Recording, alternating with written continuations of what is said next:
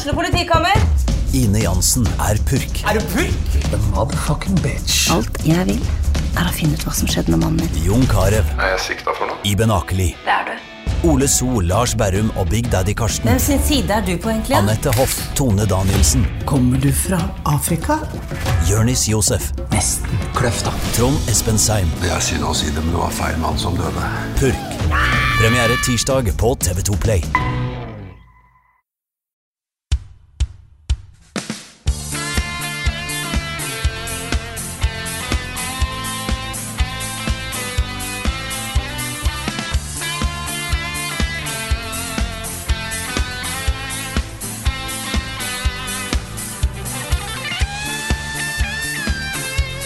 Og da ønsker jeg hjertelig velkommen til noe som er en palindromepisode. Dette er nemlig to, episode 282 av podkasten Level Backup. En spillpodkast fra oss til deg som hører på, eller ser på, hvis du ser på opptak på YouTube.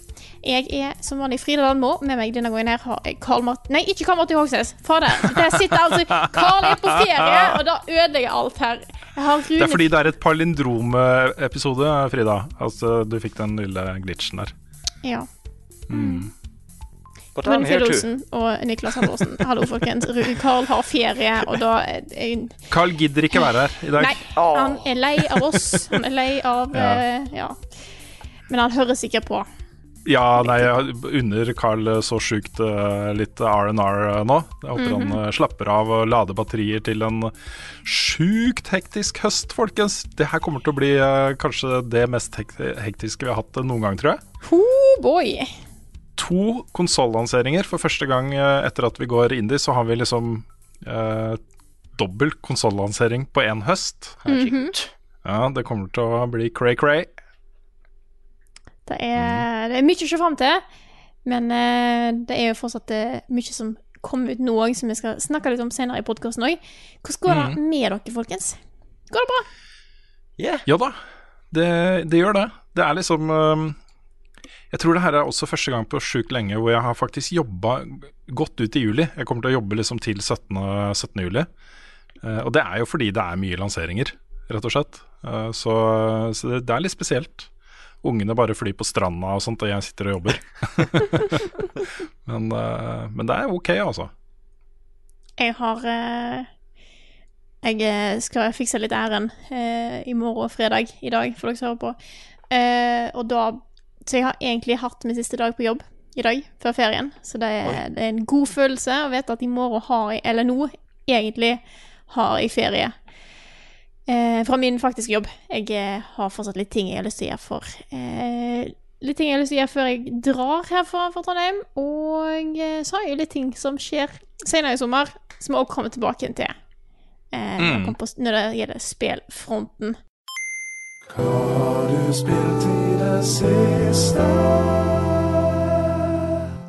Og ting er litt rolig på sommeren, som det pleier, så vi hopper bare rett til hva vi har spilt i det siste. Vi er så crazy som vi er, og jeg hører at Rune kanskje har noe rykende ferskt du har lyst til å snakke om?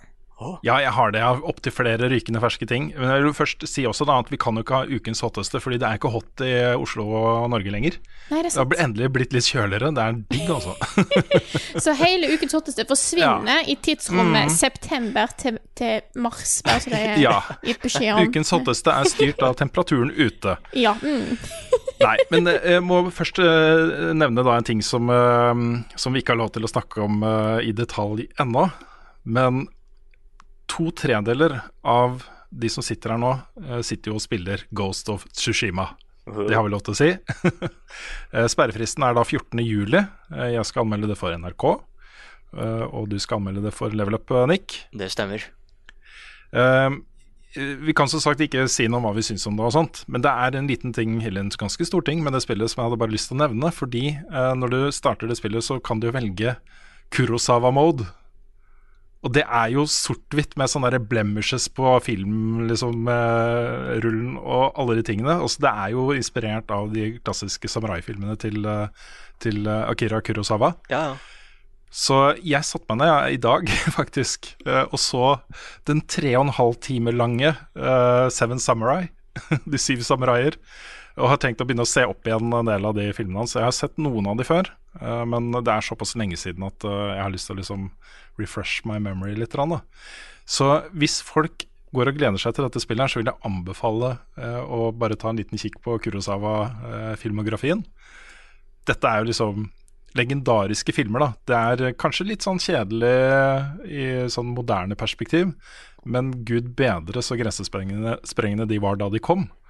Uh, og inter hvor interessant det er å se. da Også den uh, Samurai-filmen er jo fra 1954, liksom. Mm. Det er ganske sjukt å tenke på. Jeg syns det er noe spesielt med å se disse eldre filmene òg, fordi at de er de har en helt annen pacing enn det vi har nå. De tar seg så mye bedre tid, mange av de. Mm. Det syns jeg er litt uh, forfriskende å se, egentlig.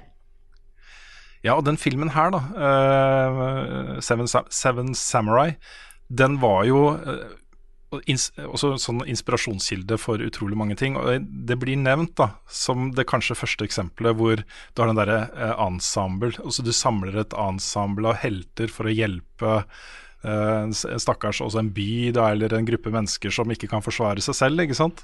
Mm. Uh, som har blitt brukt så mange ganger seinere. uh, eh, masse masse scener som blir liksom referert til i andre filmer og sånne ting. Også et veldig sånn toneangivende verk, det der. da. Så sånn filmfaglig veldig interessant film. Mm. Blir også regna som, som ja, Kommer høyt på sånn toppliste for tidenes beste filmer og sånne ting. Så, så, så finner jeg da. Sitter og ser på gamle sort-hvitt-filmer. En filmsnobb av deg? Filmsnobb, ja. Mm. Men det er litt sånn jeg, jeg, har lyst til å spille gjennom det spillet i Kurosawa-mode, men jeg har først lyst til å spille gjennom fordi det, ikke sant, Grafikken har vi jo sett på liksom videoer og sånne ting. Det er den jeg kommenterer nå om. Ja. Men den grafikken i de videoene, den ser helt latterlig bra ut, altså. Så jeg må få med meg det også. Så eh, hva tenker du, Nick? Eh, Kurosawa Mod, eller ikke? Nei, jeg er så glad i farger, jeg, vet du. Ja, farger. Du liker farger. Fan av farger. Ja, og det er en skog der. Mm. Skal ikke si noe mer enn det, men det er en skog der som jeg trengte farger. Ja. jeg vet, vet hvilken skog du tenker på.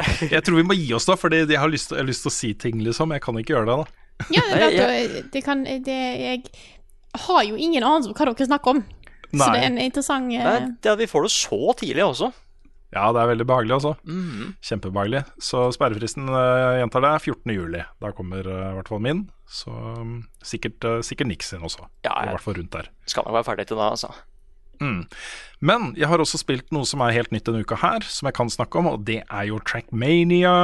Trackmania-rebooten av Trackmania Nations, da, hovedsakelig, liksom. Um, men de har jo lagt til masse nytt der. Også nye uh, sånn banestrukturer og sånne ting. Uh, så det er fortsatt på en måte den derre litt sånn, ikke Formel 1, men også sånn baneracing med, med litt enklere fysikk, som jeg syns er best. Bare den derre isbanene kan bare gå og ta seg en bolle også, fordi Da, det er sånn der Åh, du bare sklir og sklir og sklir og havner feil vei, og det er liksom Ja. så det er fortsatt liksom den derre uh, De banene hvor det, hvis du kjører riktig, og får liksom riktig sladd på riktig tidspunkt og sånne ting, så kan du bare holde gassen i bånn hele veien. Det er de banene jeg elsker da i Trackmania Nations, uh, og det er de banene jeg elsker her også. Og så er det også litt betegnende, syns jeg, da, uh, for det, det følger med da Eh, på en måte sommersesongens eh, eh, baner fra Nadeo. Det er 25 baner hvor du kan ta medaljer og sånne ting. Og så gikk jeg på nett da, og så spilte uh, brukerbane etterpå. Uh, det var uh, dagens bane, som man har liksom ganske lang tid på å prøve å få en god tid på og sånne ting. Den var jo dobbelt så god, minst, oh. som de banene Nadeo har lagd. Det var den beste banen i spillet som jeg hadde spilt uh, til da. Så det er det som er den greia her. Det, det kom, uh, hele det spillet står og faller på hva community lager uh, selv av baner. så, um, så hvis det fortsetter, så, så tror jeg kan få det like mye gøy med dette spillet som jeg har hatt før. Og er, jeg har spilt mye Trackmania, også. det er kjekt, det er alltid kjekt, syns jeg, å høre eh, når det kommer nye spill i serier som noen i redaksjonen er glad i, og så er de mm. gode. Mm. Da syns jeg alltid det er så koselig. Eh, Men det er spennende dette her med, med spill som sånn sett er litt make or break på hvor mye innhold det er fra brukerne her. Eh, Mm. Så lenge du har et godt community rundt det, så kan jo du ha da, nytt content i det uendelige. Så jeg eh, Ja, ja. krysser fingrene for at Og bare- det holder seg sånn. Ja, altså, så nå, nå har jo folk sittet og spilt sånn lukka betaer og, og sånt av dette her, da, før lansering. Så alt er ikke lagd fra onsdag. lansering 1. juli, liksom. Uh, men hvis du går inn da på, på singleplayer-menyen, så ligger du allerede sant, massevis av campaigns, da i anførselstegn, fra uh, spillerne, som har lagd en samling med baner, hvor de har satt opp liksom hva som skal til for å få de forskjellige medaljene og osv. Og, så videre, og mange av de er sånn temastyrte. da, Du har jo Mario Kart-baner, f.eks., hvor de har gjenskapt da baner fra Mario Kart-serien uh, i Trackmania. Um, og den uh, byggemodusen her er jo kjempegøy. Du kan gjøre så mye kult med den, altså. Så um, ja, jeg merker eh, som sagt at jeg fortsatt er mest glad i den der litt sånn seriøse racinga. Og det er jo den biten av det som er e-sport-biten av det også.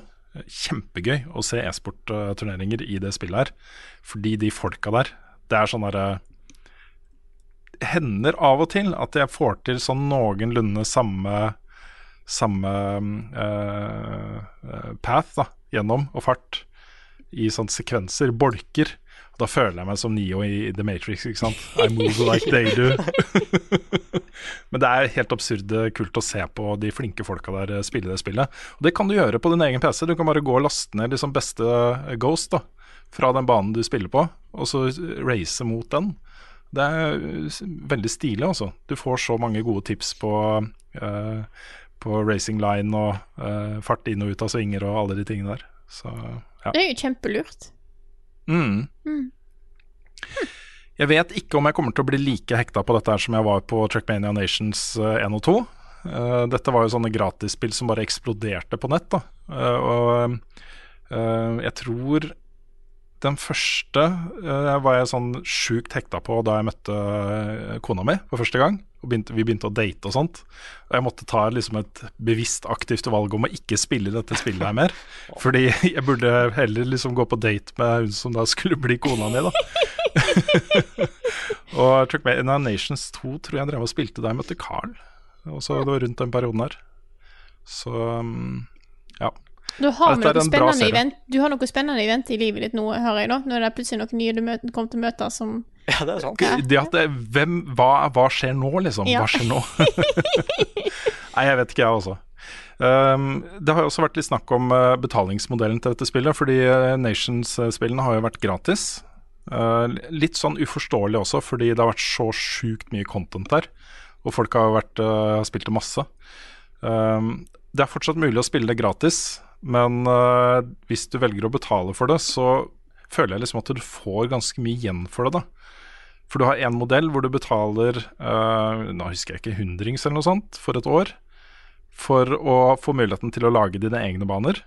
eh, og tilgang til noen forskjellige cuper og sånne ting. Uh, og så har du en, en club-modus eh, som koster 300 kroner for et år. Hvor du kan bli med i og lage dine egne klubber. da Og få tilgang til egne sånn, turneringer for klubber og sånne ting. Og det er, ikke, det er ikke gærent, altså. 300 kroner for liksom et år med content. Dette skal oppdateres eh, sånn sesongbasert, med nye baner og sånne ting. Um, men i praksis så vil det jo oppdateres hele tiden. Da. Så jeg, jeg, jeg syns den modellen er litt grei.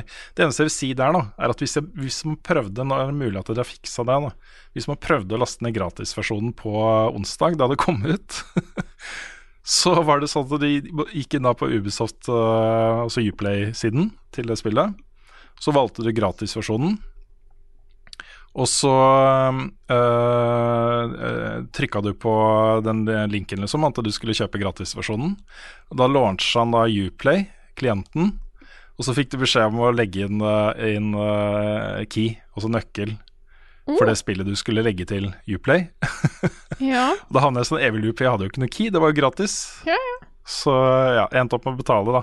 For Club det hadde jeg tenkt å gjøre uansett, men jeg ville bare sjekke hvordan det var å laste ned gratisversjonen først. Det gikk jo da ikke. Jeg vet ikke om det var eh, klienten min det var noe feil med, eller eh, jeg, jeg vet ikke. Men eh, det var litt sånn weird. Jeg vil tippe at det ikke er noe malicious eh, opplegg ute og går her. Jeg tror heller ikke det. Jeg tror det er, jeg tror det er en uh, sånn no-brainer for veldig mange, det å betale for å kunne lage egne baner, f.eks. Mm. Det er en sånn ting som ikke koster så mye, og som er, uh, gir god value for money. Mm. Så, um, så jeg, jeg, tror også den derre club, club subscription-tingen sitter løst hos mange, hvis man først blir litt, litt hekta på det spillet her. Mm. Så um, ja. Men jeg er foreløpig eh, ganske fornøyd, da. Jeg har jo lagt inn uh, I, i YouTube-versjonen av podkasten her, så ligger det jo da opptak fra min start med dette spillet. Og i starten så jeg, blir jeg veldig fanga av den derre OK, jeg fikk sølv, jeg må klare gull. Og så kanskje til og med slå bare tida mi enda litt mer etter at jeg har tatt gull. Så I starten så spiller jeg de banene om igjen og om igjen. Etter hvert så tenkte jeg vet du hva, jeg bare kommer meg gjennom de 25 banene for å se liksom, begynne litt online og sånt. da så, men det er mye weird også. jeg er ikke noe glad i de isbanene, det må jeg bare få sagt. Det, de, de, liker jeg ikke. Er, er, er Trackmania isbaner eh, eh, Hvordan blir det her? Bilverdens eh, versjon av undervannslevels? ah, ja. ja, det blir litt sånn, altså. eh, og det som er ekstra altså, det, det, som er litt gøy da med Trackmania, er at uh, når uh, brukerne lager baner, så er det mange av de som er sånn her Vet du hva, nå skal jeg skikkelig kødde med spillerne. Og Da er det sånn, da kan du ha sånne eh, turboboost uh, deluxe, masse greier, liksom. Og et stort hopp, og så lander du på is. Og så skal du ta en kjapp sving. Så de kødder skikkelig med spillerne på den måten her, da. Og det er jo litt morsomt. da er det faktisk ganske gøy. ja, det er litt morsomt. Da jeg var jo på en sånn server med en sånn Panservax-gjeng. Uh, Um, var innmari morsomt. Og vi konkurrerte jo da i å lage uh, de verste banene vi kunne. Og introdusere de da for de andre. ikke sant? Så hadde vi på en måte sånn Ok, nå debuterer vi en ny bane. Og så var det sånn Den som hadde lagd den, satt sånn Så det var kjempeartig. er det mye baner å se fra deg framover, da?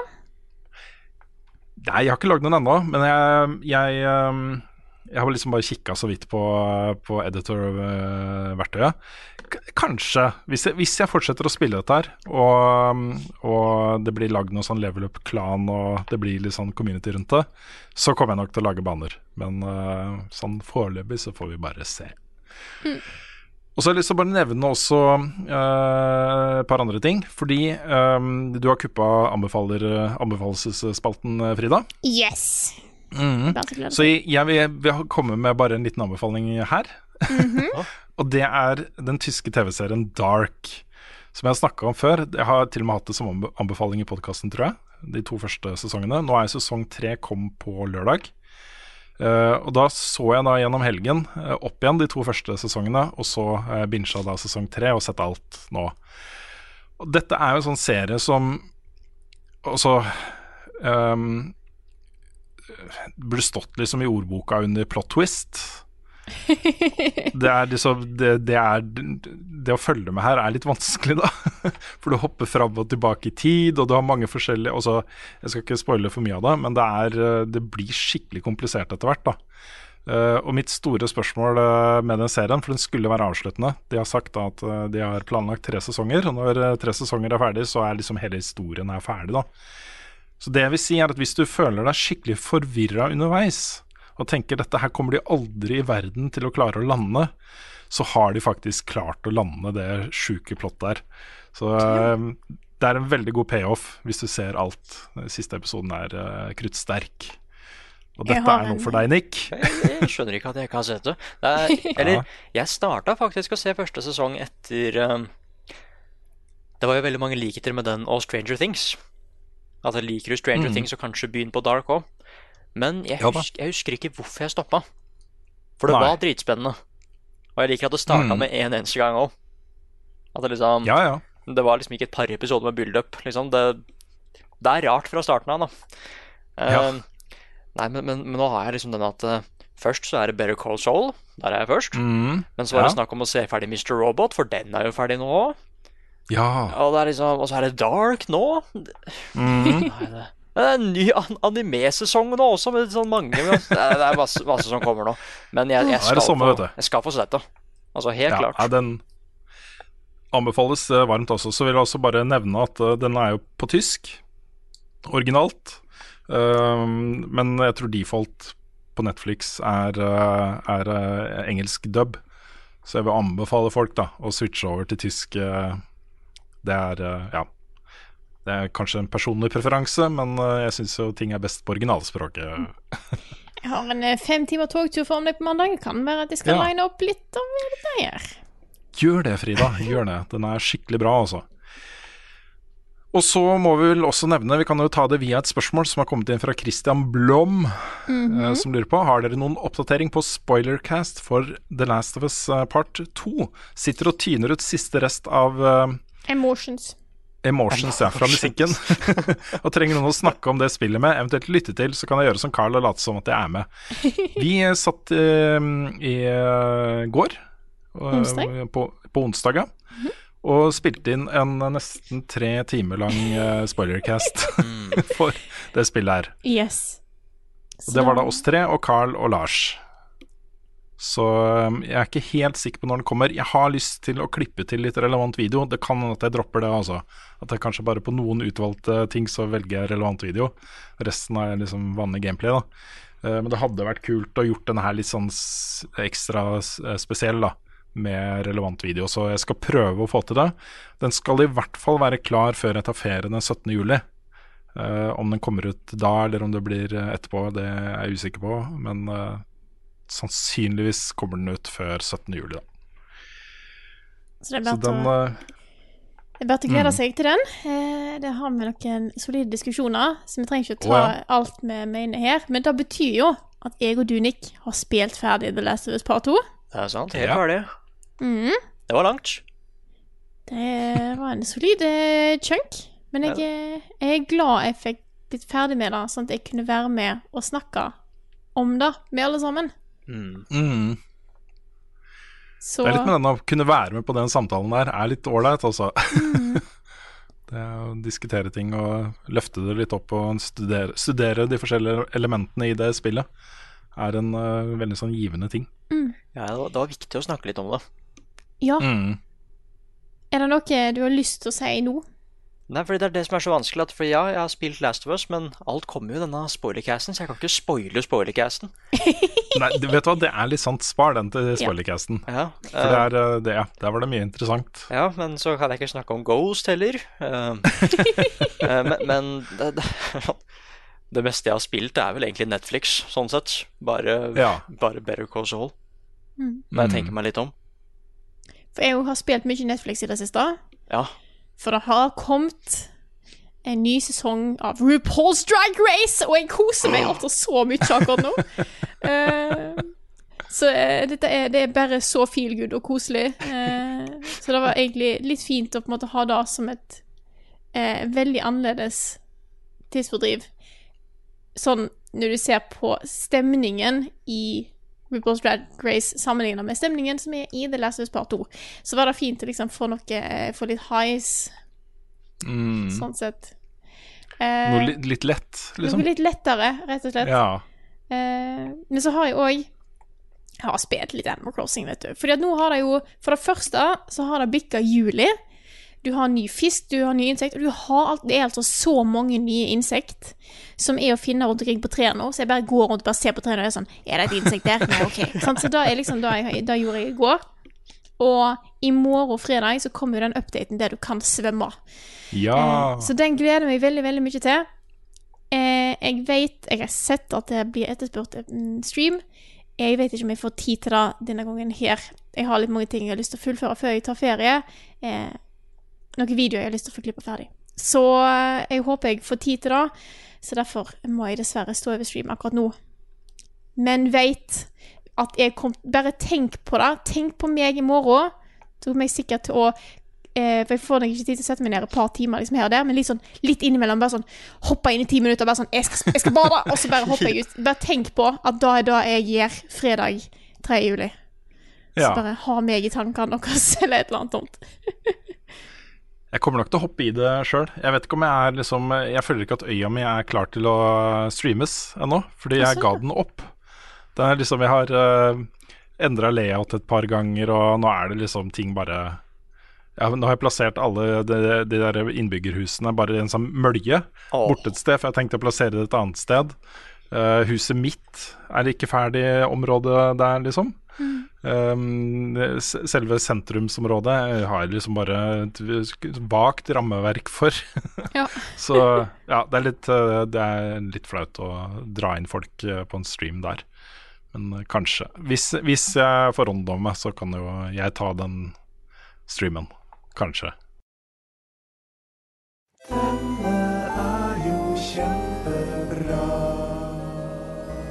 Ukens anbefaling. Nå er det snart sommer. Og en av de viktige tingene for en norsk sommer er grilling. Grilling er jo en sentral del av det å være nordmann i, i, når det kommer til sommer. Det kan, jeg har grilla i regn. eh, Jeg har grilla i sol. Unødvendig Altså, det må ikke nødvendigvis være fint vær, for når det er sommer, så er det grilling. Og derfor har jeg nemlig en grillanbefaling til det norske folk, eh, som jeg nylig har oppdaga. Eh, fordi det finnes en grønnsak som kan brukes til så utrolig mange ting, og som er eh, superior i mange, mange settinger, inkludert på pizza. Jeg snakker om ananas. Ananas kan nemlig grilles, og eh, fordi at alt kan grilles, har jeg lært av ulike TV-reklamer. eh, for ananas er jo en grønnsak, frukt, frukt, som er syrlig, men søt. Det er jo eh, I mange tilfeller så er ananasen litt sånn Du kjenner at han, han driver og etser vekk tunga di, eh, og det er vel egentlig det han gjør, for han har noe enzymer som løser opp munnen din, tror jeg. Eller det er noe sånn funky greier. Men i hvert fall, hvis du griller den, så ender du opp med å framheve den sødmen noe helt ekstremt. Så den blir bare søt og god, og i tillegg så kan du kanskje få karamellisert litt på den òg, og det blir jo bare helt snorsent. Så mitt tips er ta en, Det var en fersk ananas, dette. Ta en fersk ananas, del den opp i skjeve. Eh, du kan ta av eh, Jeg vet du kan helgrille ananas, det har jeg ikke prøvd meg på ennå. Men ta den opp i skjeve. Bare ha det på grillen. Stek den litt på ene sida, flipp andre sida. Og så kan du enten bare spise den som den er, for han er veldig god. Du kan ha det som dessert, har jeg sett eh, folk foreslått, for han er, så, han er så utrolig søt og god, sammen med is eller whatever. Eh, det jeg testa, var å dele, kutte den opp i små terninger og ha den i en At du lager en sånn salatsalsa-greie med Jeg brukte ananas, eh, vårløk, agurk, litt rødløk og litt chili, bare sånn for litt sånn spice. Eh, og ha litt lime oppå. Good shit. Grilla ananas er altså eh, en fantastisk ting som jeg skulle ønske jeg hadde visst om før. Så det er noen av dere som tenker er, er på ananas? Eh, Jeg, jeg vil bare spise ananas på pizza. Ja, OK. Mm. Eller Bare selv. pizza. Nei da, jeg, jeg, jeg, ananas er en, er en eh, veldig god frukt. Grønns... Bær? det er det et bær? Ja, det er kanskje et bær, ja. Jeg, Det, jeg, jeg, jeg vet ikke. Hvis du Men det, men det er, ja. jeg syns det er veldig godt, og særlig sånn der fersk ananas som du liksom må ta av skallet og alt selv, liksom. Mm. Som regel aller, aller best, da. Så um, ja. Jeg er uh, intrigued, Frida. Her kommer nyheter med Rune Fjell-Olsen, og han har ikke hår. Vi begynner nyhetsspalta den gangen her med noe av det rareste jeg har sett, egentlig, eh, i spillenes verden.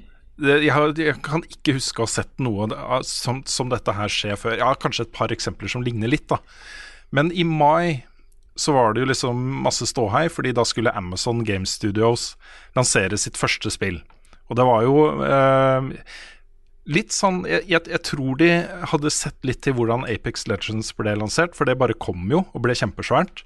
Jeg tror ikke de hadde lyst til å liksom hause det opp for mye, men det var liksom kjent, da. Det var eh, mye oppmerksomhet knytta til at Amazon skulle lansere sitt første spill, Crucible.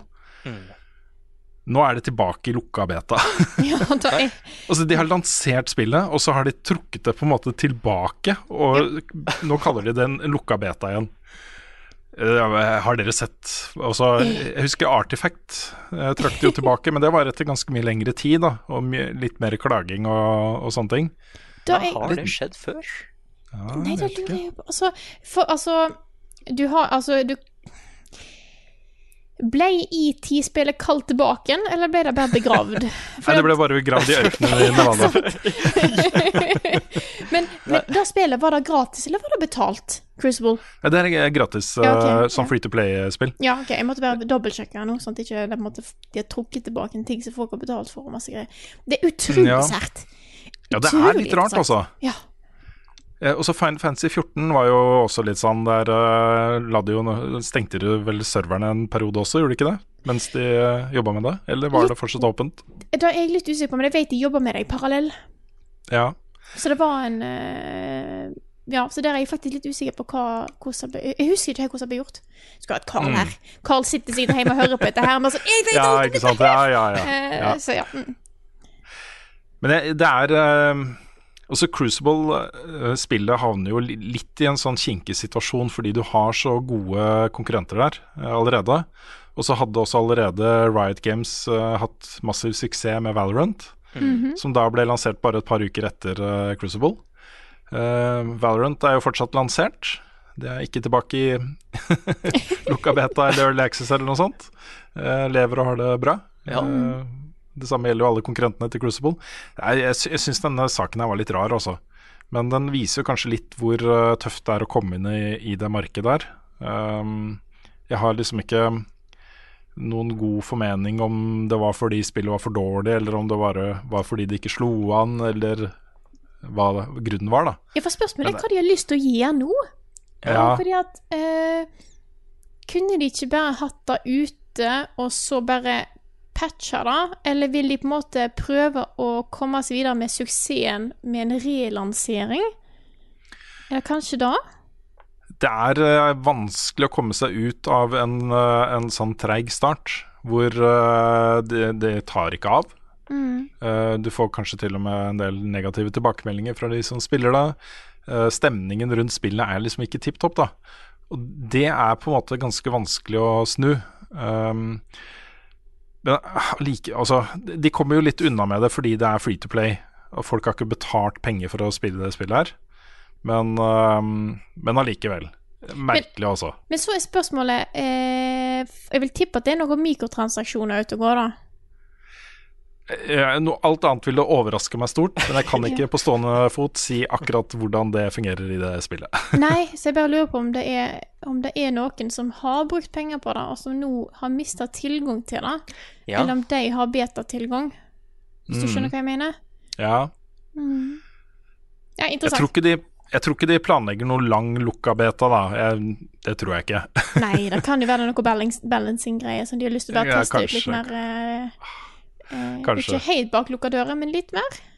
Ja. Ja. Hmm. Merkelig uansett. Veldig spennende. Um, så um, er, Amazon jobber jo med et svært uh, online-spill også, som uh, etter sigende kanskje starter en sånn betatesting og sånt i august. Um, det, det er jo spennende å se hva de gjør, fordi de satser så mye. De har ansatt så mange mennesker, og de har bygd opp studio og skal lage ting, liksom. Det, det, er jo spennende. Så, men det var ikke noe god start, da, for, uh, for den satsinga. Eh, Det har de siste par årene blitt jobba med sånne høringer og en komité som har sittet og jobba med ehm, eh, forslag til en ny pengespillov i Norge. Eh, det forslaget ble klart den uka her, eh, og det store usikkerhetsmomentet har jo vært hvordan vil dette lovforslaget Altså Det er jo bare en forslag som nå skal behandles videre av Stortinget, og så stemmes over, og så, og så videre. Eh, hvordan behandler de lootboxer? Og Det har jo vært krefter i uh, den uh, gruppa da, som har sittet og jobba med det forslaget her, som har jobba ganske hardt for å inkludere lootboxer og den type økonomi da, i spill innenfor pengespillovgivning. Men de har ikke fått gjennomslag for det. Så nå er det fortsatt sånn eh, at den loven Um, eh, er ganske, på akkurat det området så er den ganske lik sånn som ting er. Og Det som er norske myndigheters da, holdning til lootboxer, er jo at så lenge man ikke kan ta de eh, verdiene ut fra dette systemet her og tjene ekte penger på det, så kan det ikke defineres som gambling. Eh, jeg jeg snakka ganske mye med Rune Menzoni i Bergen. Eh, Han er jo spillforsker på psykolo psykologfakultetet der. Og han, han og jeg er ganske enige, da. Eh, ikke bare fordi vi heter Rune begge to, men ganske enige om at uh, innholdet i altså uh, uh, cosmetics i spill, skins, eh, emotes, eh, alle de tingene der, har en verdi for folk. Altså, det har en verdi for meg. At jeg har fått det kule skinnet til det våpenet som er mitt favorittvåpen, og at det, mitt våpen ser kulere ut enn alle andres våpen. Og, og så Det har en verdi, da. Selv om den ikke kan liksom Du kan ikke sette kroner og øre på den, annet enn de pengene jeg har betalt, da, eventuelt for det skinnet. Uh, og uh, selv om jeg ikke kan selge det videre til noen og tjene penger på det, så har det en verdi. Og jeg, jeg syns liksom, så lenge det har en verdi for spillerne, så vil på en måte de samme mekanikkene som inkluderes innenfor penge, eh, pengespillovgivningen gjelde. Og så hvis, hvis noe har verdi for meg, så kanskje er jeg mer villig til å bruke penger på lootboxer og sånne ting for å få den tingen jeg har lyst på, ikke sant. Eh, og da er jo mange av de mekanikkene innenfor lootboxer er jo direkte gambling. Uh, ta futt pakkene i Fifa f.eks. Det er Innholdet i de pakkene er jo ikke kjent. Du aner jo ikke hva du får. Når du bruker penger på å kjøpe en eh, kortpakke i Fifa, så vet du ikke hva du får. Du sitter og håper på Ronaldo, du får jo aldri noe Ronaldo. Eh, men når du får det, så får du den der rushet, ikke sant. Da har du vunnet jack jackpot i Lotto. Så eh, jeg syns det er litt rart, altså. Nå ser jeg også at det finnes jo uh, Belgia f.eks. har jo definert dette her innenfor pengesp pengespillovgivningen. Eh, den eh, høyt anerkjente og sterkt eh, politiske, hva skal man si De bestemmer jo alt i England. House of Lords.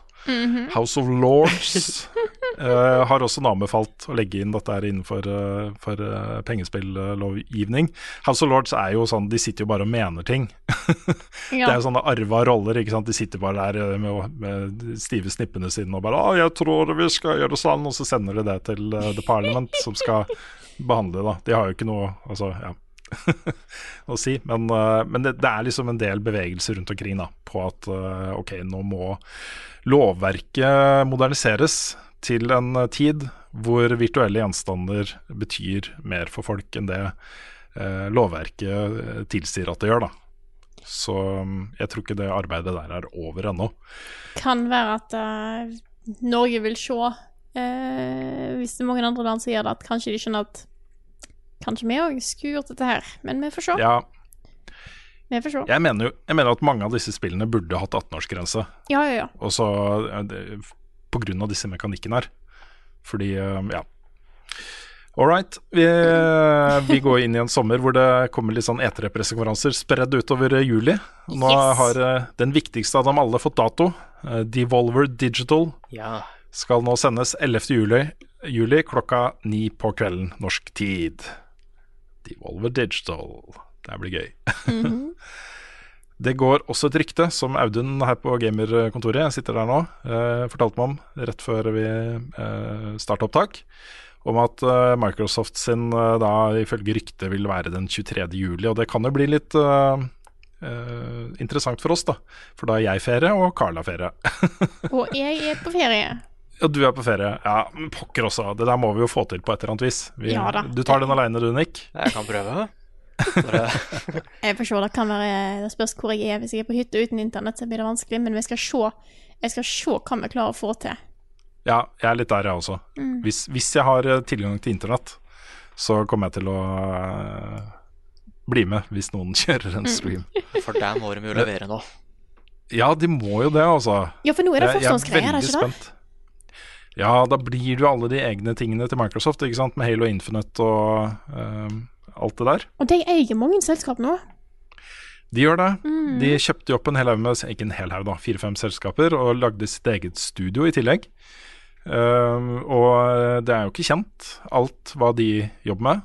Vi har jo sett Helbred 2, Mhm. uh, men ikke så mye mer enn det, da. Så det blir sjukt spennende å se hva de presenterer der. Så jeg har en følelse at det kan bli eh, vel verdt å få med seg den pressekonferansen der også. For se om de lever opp til det som eh, Sony leverte på sin konferanse eh, Mm. for noen uker siden.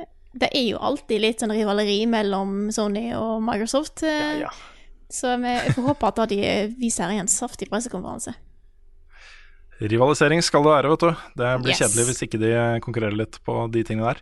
Det er kjekt at de to konkurrerer, og så kommer Nintendo bare sånn Hei, vi har bare lagd noe koselig. Jepp. Mhm. Du, Nick, jeg ble nesten ikke Jeg ble ikke overraska, kanskje. Ja. Men det ble lansert et nytt spill i dag, i dag fra Yoko Taro. Ja, jeg så det. Mm. Ja, du så det? Ja. Dette er jo et, øh, et øh, free to play øh, rollespill til mobiltelefoner som har vært ute da i tre år i Japan, Mm. som nå har kommet til Vesten, både på Android og IOS. Heter Sin og Alice. Ja. Sin og Alice. Ja. Ikke det? Ja. Det er jo ikke utvikla av eh, Platinum, men eh, det er da Yoko Taro som er eh, eh, skaper av det spillet. ja det, Har har du vært, hørt noe om det? det har vært veldig gøy å følge Twitter-feeden hans på akkurat de tinga der. Okay. Eh, fordi det er han og um, Da husker jeg ikke hva den andre Det er to stykker som står bak det. Yoko Taro og en til. Som de liksom er creative directors på det spillet. Okay. Eh, og det han har gjort da på Twitter-feeden sin, er at hver gang når det har dukket opp en ny karakter, så har vi liksom fått lauren til den karakteren, hva karakteren heter, bilder av våpen og sånn, og så har vi fått liksom eh, jeg holdt på å si regissørenes sine kommentarer da, til den karakteren. Og da har du han ene som alltid liksom sier bare at ja, jeg gleder meg til at folk får spilt med hun her, ass, og bare finne ut mer om denne karakteren her. Men Yokotaru skriver alt sånn som at det bare Hun her så pen ut, så her kan vi tjene en del penger. Og, det er på, og, det, og han skriver det på alle karakterene som dukker opp. Å, herregud. Det For en fyr da er. Men er det, er det på en måte en litt sånn der funny måte å ta litt avstand fra det beistet han har skapt, eller hva, hva tenker du om at han behandler det spillet på den måten? jeg jeg, jeg veit ikke. Fordi det er liksom Han har jo sagt flere ganger at han er glad i det òg. Ja, Og da, det er sånn ja, han, han er så rar, den mannen der, ikke sant? så jeg vet liksom ikke hva jeg skal tenke. Men jeg liker bare ærligheten der òg, at det her tror jeg vi kan tjene penger. Men eh, Nei, men så er jeg litt sånn derre uh, Near karakterene dukker jo opp der, blant annet. 2B og sånn. Mm. Uh, det er jo egentlig derfor jeg har lyst til å bare teste litt der òg, men jeg er ikke helt sikker på nøyaktig hva spillet er, sånn sett. Nei, jeg har hørt at det er et ganske sånn tradisjonelt mobilrollespill. Ja. Ehm, men at eh, designet på det er eh, mye mørkere da, og rarere enn de spillene har for vane å være. Mm.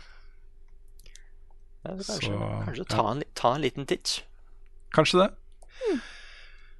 Og så avslutter jeg nyhetsspalten med da det som eh, blir anmodet om å være et anonymt spørsmål, Å. som kom inn på Patron. fra det Anonym må tipse om Dreams, sitt første interaktive Dreamscom 20. Uh, sykt stemning med demoer, et panel Q&A. Uh, kan det være at store konferanser kan gjøres på den måten i fremtiden? Uh, ja, når var det den konferansen var, da? Det skriver ikke eh, vedkommende. Men eh, Dreams VR har fått dato. Det er 22. juli. Og er det et spill som er eh, skapt for VR, så er det jo Dreams. Jeg vet jo folk jo i, har jo sittet i og betatesta eh, det å lage assets til Dreams med PlayStation VR. Så mm, ja. Finner du ut noe dato, Frida? Jeg eh, googler som bare tulling. Join us for Dreamscom Dreamscom 20. Eh, det, det er 30. juni. Så det har vært, da, altså. Ja. Ah, Det har vært, Men det ligger sikkert på nett, så det er mulig å se det opp igjen. ja, det er et kult konsept, altså. Ja, det Mm. er det. Så øh, det var, det, det var dumt vi gikk øh, glipp av. Men um, jeg vet ikke. Dreams er et litt sånn spill som er litt vanskelig å ha taket på, føler jeg. Fordi uh, du bør nesten være aktiv i, i spillet.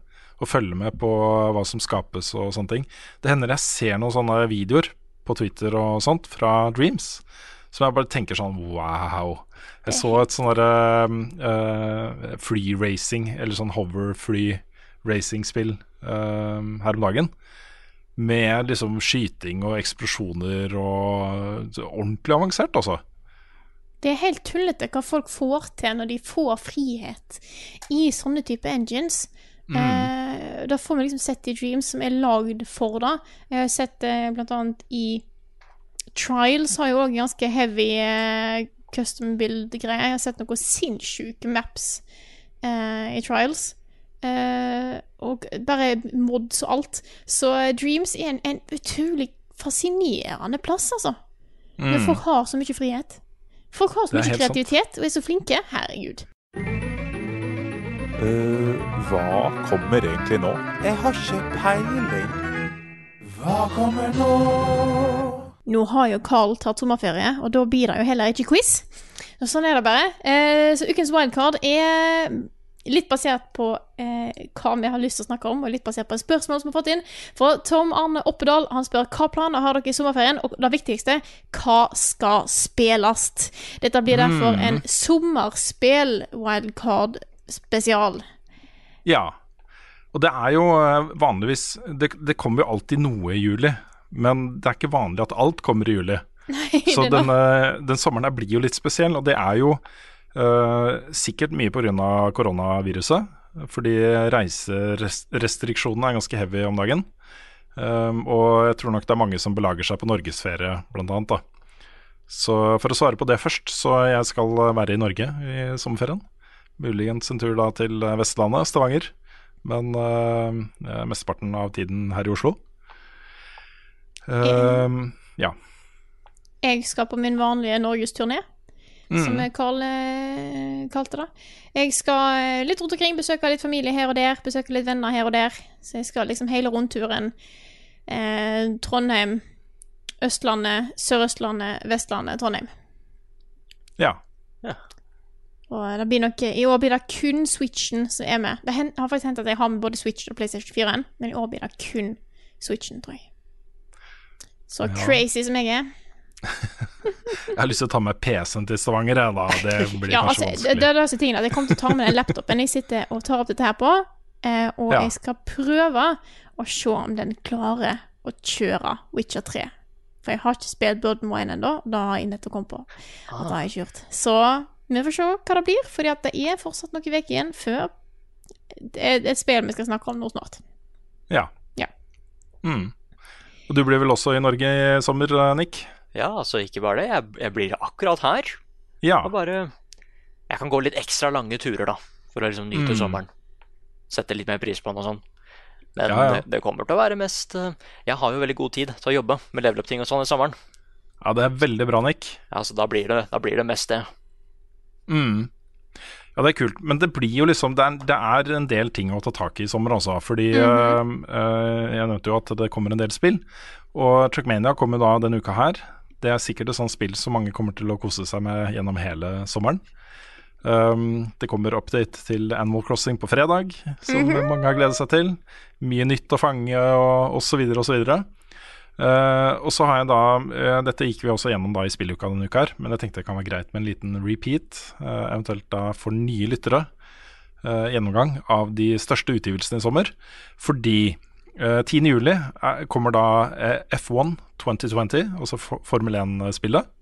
Som er kjent for å være veldig bra. Uh, samme dag kommer også Deadly Premonition 2. ja, Det er ikke lenge til, Nick.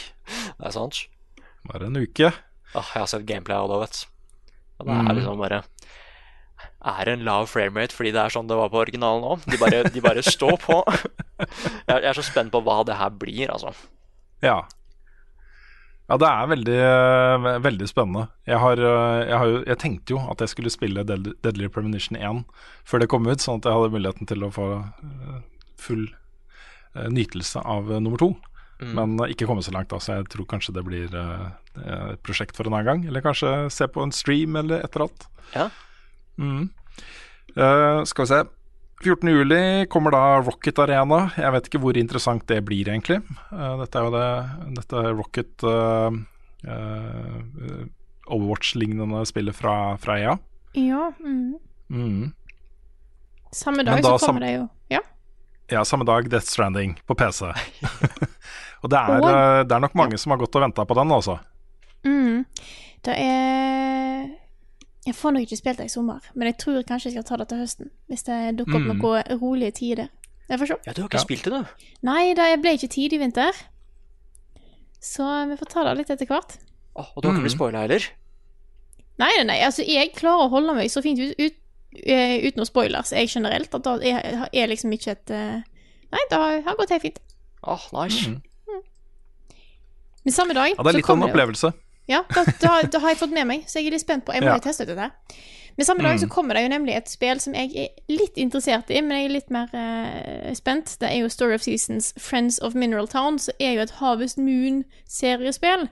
Uh, Ja. Jeg er litt usikker på helt hva det er, fordi det er så utrolig vanskelig å forstå seg på hele den timelinen med de ulike, hvem det er som har lisensen og greier. Og Men er ikke dette her det originale studio til eh, Harvest Moon? Ja. Som eh, ikke har lisensen lenger, men som lager noe som ligner veldig på Harvest Moon, men det heter da Story of Seasons i stedet? Ja, og da er det bedre håp for, for det Harvest Moon-spillet jeg fikk for et par år siden, eh, som heter Harvest Moon, og som var på Switch, var jo bare helt ubrukelig.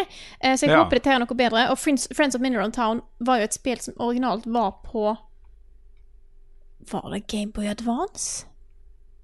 Så jeg er bare spent på om dette er en remake, eller om det er på en måte en reboot, eller hva den er. Det kan være jeg skal Mm. sjekke ut da litt, vi får se. Ja. Mm. Men dagen etter også så kommer det et spill som du har uh, eh, vært liksom fnist av uh, en god stund, Frida. Mhm. Eh, det er da Early Access-versjonen av Ublets. Ublets. Dag er jo litt sånn Harvest Moon Ja. Animal Crossing-aktig. Eh, Så det er altså så mange koselige spill som kommer under sommeren her. Eh, jeg gleder meg til å sjekke det ut. Eh, Ja. Så gi. Ja. Og så har vi jo en mega, mega killer dag den 17. juli. Da kommer da både Paper Mario, uh, The Origami King til Mhm. Switch, og Ghost of Tsushima til PlayStation 4. Begge de to på samme dag, altså. Det er helt tullete. Mm. mm. Det Jeg gleder meg til begge. Det er uh, Ja.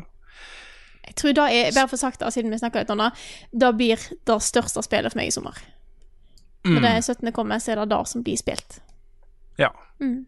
Ja, det, det De to skal jeg spille dritten ut av, begge to. Og så er det litt funny, fordi jeg, nå kan vi da korrigere en, eh, en eh, entry som vi hadde da i spilluka på tirsdag. Eh, den 23. juli så skulle da Crisis Remastered komme ut, men så ble da traileren og litt informasjon om spillet og sånt lekka. Lekka, jeg vet ikke om det Det kan bare ha vært at de testa vannet litt, liksom. Hvordan responderer folk på dette her da? For de har da uansett bestemt seg for å ikke gi det ut da likevel, fordi folk var litt negative. Um, og det var en ting som eh, slo meg litt også da de eh, annonserte det. Jeg uh, tenkte litt på det etterpå, etter at vi snakka om det i ja, enten podkasten eller spilleuka, jeg husker ikke. Det spillet fikk jo liksom en del sånne oppdateringer etter hvert og sånt, og på liksom kraftige maskiner så så det jo veldig pent ut da det kom. Um, så, og det er jo det som reaksjonene går på også. Altså Det ser ikke sånn markant bedre ut enn uh, originalen gjorde, så hvorfor da gi det ut på nytt, på en måte? Ja, det er sant, Mm. Så de skal jobbe litt mer med det noen uker til, og så slippes det kanskje da i sånn august en gang, eller september eller noe sånt. Og så da 23. juli eh, kommer da Early Access-versjonen av Rogue Legacy 2. Ja. Mm. Og det er, jeg tror den skal ha ganske mye content, men uh, dette er jo et spill som da kan utvikle seg ganske mye også, fram mot uh, faktisk lansering. Så jeg vet ikke, har du tenkt å kaste deg på Early Access-versjonen, eller venter du, Nick? Jeg har litt lyst til å teste det. Ja. Men, men, det, men det er uh, mest fordi stilen er så annerledes. Mm. Fordi jeg syns liksom animasjoner og sånn De ser kanskje Dette er også en sånn ting som er litt vanskelig å si når man ikke spiller det selv, men jeg syns den ser litt sånn Ikke treg ut, men ikke like smooth som det første. Mm. Så jeg, jeg har lyst til å bare se om det minner meg om det første spillet, da. Mm. Men uh, som regel så pleier jeg egentlig å holde meg unna Early Access. Med mindre det liksom De sier at det, det blir ferdig en eller annen gang, altså. Vi veit ikke når, men her har du Early Access, liksom. Ja, ja, ja. Ja, I hvert fall ta en liten titt, bare for å se åssen det er. Mm. De har jo en rollefigur da i, i toeren som, eh, som jeg syns var veldig morsom. Det var lord Flatulence eller noe sånt. Jeg husker ikke akkurat hva den het, men det er en konge som promper. Nydelig. Ja, det er veldig bra. det er egentlig det jeg har satt opp også. Det er sånn primært juli, da. Eh, Det blir litt sånn stille i august. eh, Men mot slutten av august så begynner det å komme ting igjen. Og så sparkes det høsten da for alvor i gang fra september og utover. Eh, og vi kommer da tilbake med Det gjør vi jo hver august, for vi har ikke så mye annet å gjøre. Det er sånn guide da til høstspillene, ikke sant. Så da blir det en liten sommerguide denne gangen, og så er det høstguide i august en gang, når vi er tilbake eh, fulltallige osv. Hva er dines best, hvor var fredag sist? Har Carl egentlig sopp?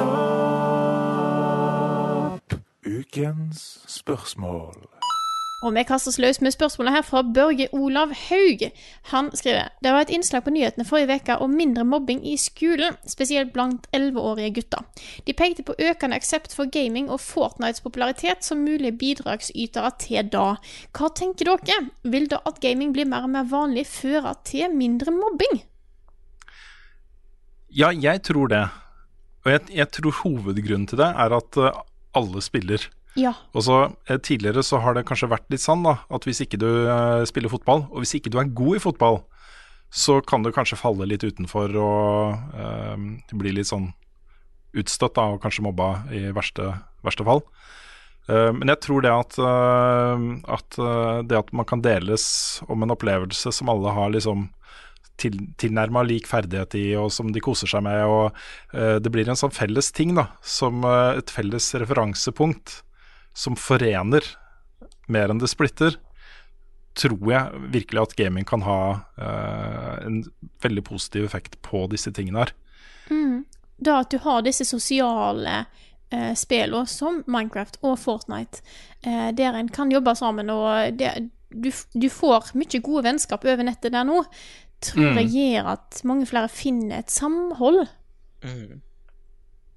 Ja, jeg tror det er Jeg, jeg, jeg vet jo ikke, da, men det, jeg opplever det i hvert fall som at det å på en måte finne noen å henge med, er lettere når du kan møtes online da, eh, via spill. Fordi terskelen er så mye lavere. Du, du må ikke liksom reise med T-banen eller buss et sted, eller eh, få noen til å kjøre deg, eller Du kan liksom henge med vennene dine uansett, da. Um, og jeg, jeg, jeg tror det er en veldig positiv ting, altså. Eh, og så ser man også at eh, det, det er mye LAN-parties, og at folk samles hjemme i stua og spiller couch-spill. Det er sant. couch coop eh, og multiplayer-spill.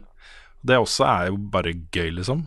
Så eh, kan vi ta den diskusjonen om om de ikke burde spille litt fotball og eh, være i fysisk aktivitet og sånt eh, en, en annen gang.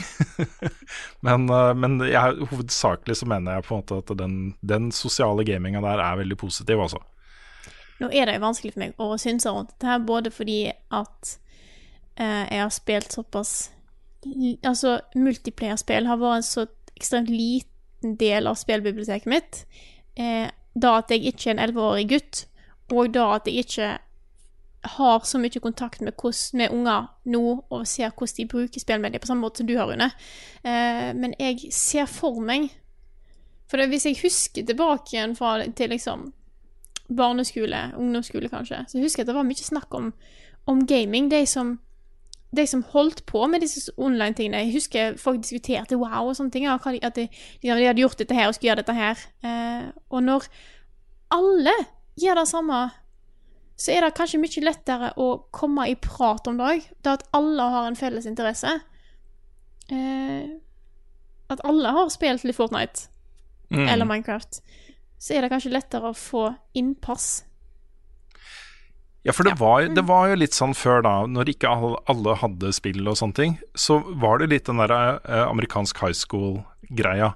At da var det geeks da som holdt på med spill, og de var liksom De var ikke og spilte fotball, og så ble det en sånn derre eh, vegg da, mellom de forskjellige gruppene på den måten der.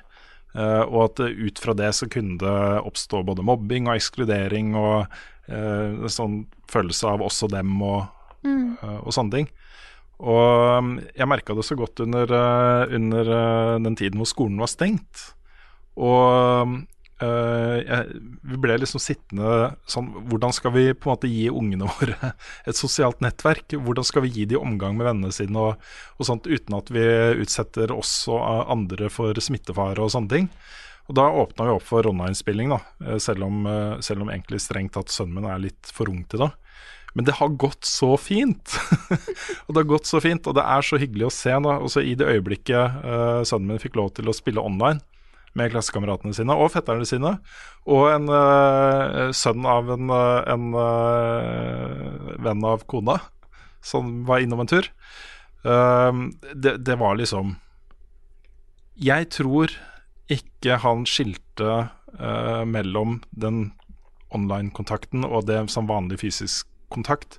For han var det like viktig og like eh, eh, bra, da. Som om han hadde møtt de vennene fysisk. For de sitter jo og deler De bygger også, Gjennom hele den perioden så så var det han da og en kompis av eh, sønnen min. De holdt på med den samme Minecraft-verden i sånn type to måneder. Så de bare drev og pusla med og holdt på med og jobba med og sånt. da Det er Helt utrolig, altså, hva de gjorde der, og alle de tingene de bygde, og måten de liksom skapte sitt eget univers da som de samarbeida om, ikke sant. Men jeg ser for meg Jeg- at hvis, ja. de, hvis du har da to unger som sitter og leker med, la oss si Lego, eh, og så sitter de og bare bygger hver sin ting, eller bygger litt sammen, så, snak, så gir de ting, og de snakker sammen, men det er ikke nødvendigvis at de sitter der og ser hverandre inn i øynene hele tida, for de sitter og holder Nei. på med sin ting og snakker, og da blir det jo litt det samme når det bare er over nettet. Ja, det gjør det. Mm. Nei, jeg tror, jeg tror uh, dette her blir på en måte Også den måten å omgås på blir på en måte en del av hvem de er. Også det å vokse opp på den måten, fordi det var ikke sånn da jeg vokste opp. Eller da jeg vokste den, opp. ja, ikke sant. Den spillmaskinen jeg hadde eh, og brukte mest personlig, var Game Watch. Ja. Game Watch. Og så var det liksom to stykker da på klassetrinnet mitt som hadde En hadde Amiga, en hadde Commodore 64. Og eh, de fikk en del besøk fra folk som hadde lyst til å spille Amiga og Commodore 64. Men eh, det, var jo, det, var sånn, det var jo de som holdt på med det. Og så jeg, jeg spilte fotball og gjorde andre ting. Liksom Leste mye bøker, jeg, faktisk. Det var eh, kanskje det jeg brukte mest tid på. Men det var ikke den der samlende tingen i det hele tatt. Og øhm, jeg, jeg, tror det er hovedsakelig positivt. da Så må Mm. man jo sitte og Man må vurdere hvor mye tid de bruker på det, hvor viktig det blir. Fordi den store utfordringa, det merker jeg sjøl også, det er jo at det er jo så mye mer morsomt å spille Minecraft eller Slime Rancher eller uh, uh, Gang Beasts. Altså det er konkrete eksempler på ting som sønnen min er veldig opptatt av. og nå No Man's Sky. Og Jesus Christ, jeg har latt han få lov til å spille No Man's Sky, og han har kicka så sjukt på det spillet. Fordi det er, når du spiller det i creative, ikke sant, mm. så er det jo Minecraft, men du har jo en hel galakse med planeter og ting å lande på, bygge og alt mulig rart. Mhm. Og han bare i the creative lagde seg Mex og holdt på, ikke sant. Det var kjempegøy, altså. Så han er sjukt gira på det spillet nå. Men jeg ser jo for Men- meg at det er greit å følge litt med òg, fordi at jeg tror at selv om gaming kan være en samlende plattform, så kan det jo òg være en eh, det, altså, det er ikke alt som er like hyggelig på nett. Eh, og jeg ser for meg at det òg kan sikkert skje mobbing, eh, utestenging, i sånne type kretser òg. Eh, oh, ja. Men eh, hvis det kan være hjelper til å gjøre ting litt mer positivt, så er jo det en Mm. god ting. Og så et konkret, En konkret ting da som jeg tror dette her hjelper på, og det er den der, Foreldre følger jo eh, som regel, da, eh, forhåpentligvis ganske godt med på hva slags forhold barnet deres har til de andre barna i klassen og i, i nærmiljøet og sånne ting. Uh, og en, et grep da som mange gjør for å, hvis de merker da at barnet er litt sånn utenfor og sånne ting, det er jo å prøve å koble de med de andre barna. Og avtale liksom med foreldrene at nå skal vi la liksom ungene våre leke sammen og, og sånne ting. Og det er ganske bred enighet om at det er en fin måte å, å inkludere folk på. da. Med spill så kan du gjøre det uten at ungene syns det er kleint og rart og vanskelig, fordi de har et felles språk og en felles interesse, og en, de kan ha det kjempegøy sammen. Da, og gjennom det finne hverandre på en måte som man ikke klarer hvis man samler, og så putter de et rom sammen. Mm. Finn på noe gøy sammen, liksom. Mm. Så det er bra. Men det, det eh, resonnementet til stad med No- som slutta med No Man's Sky, var jo at dette er jo Jeg skjønner jo det, altså. Dette er jo så mye mer morsomt enn alt annet han gjør.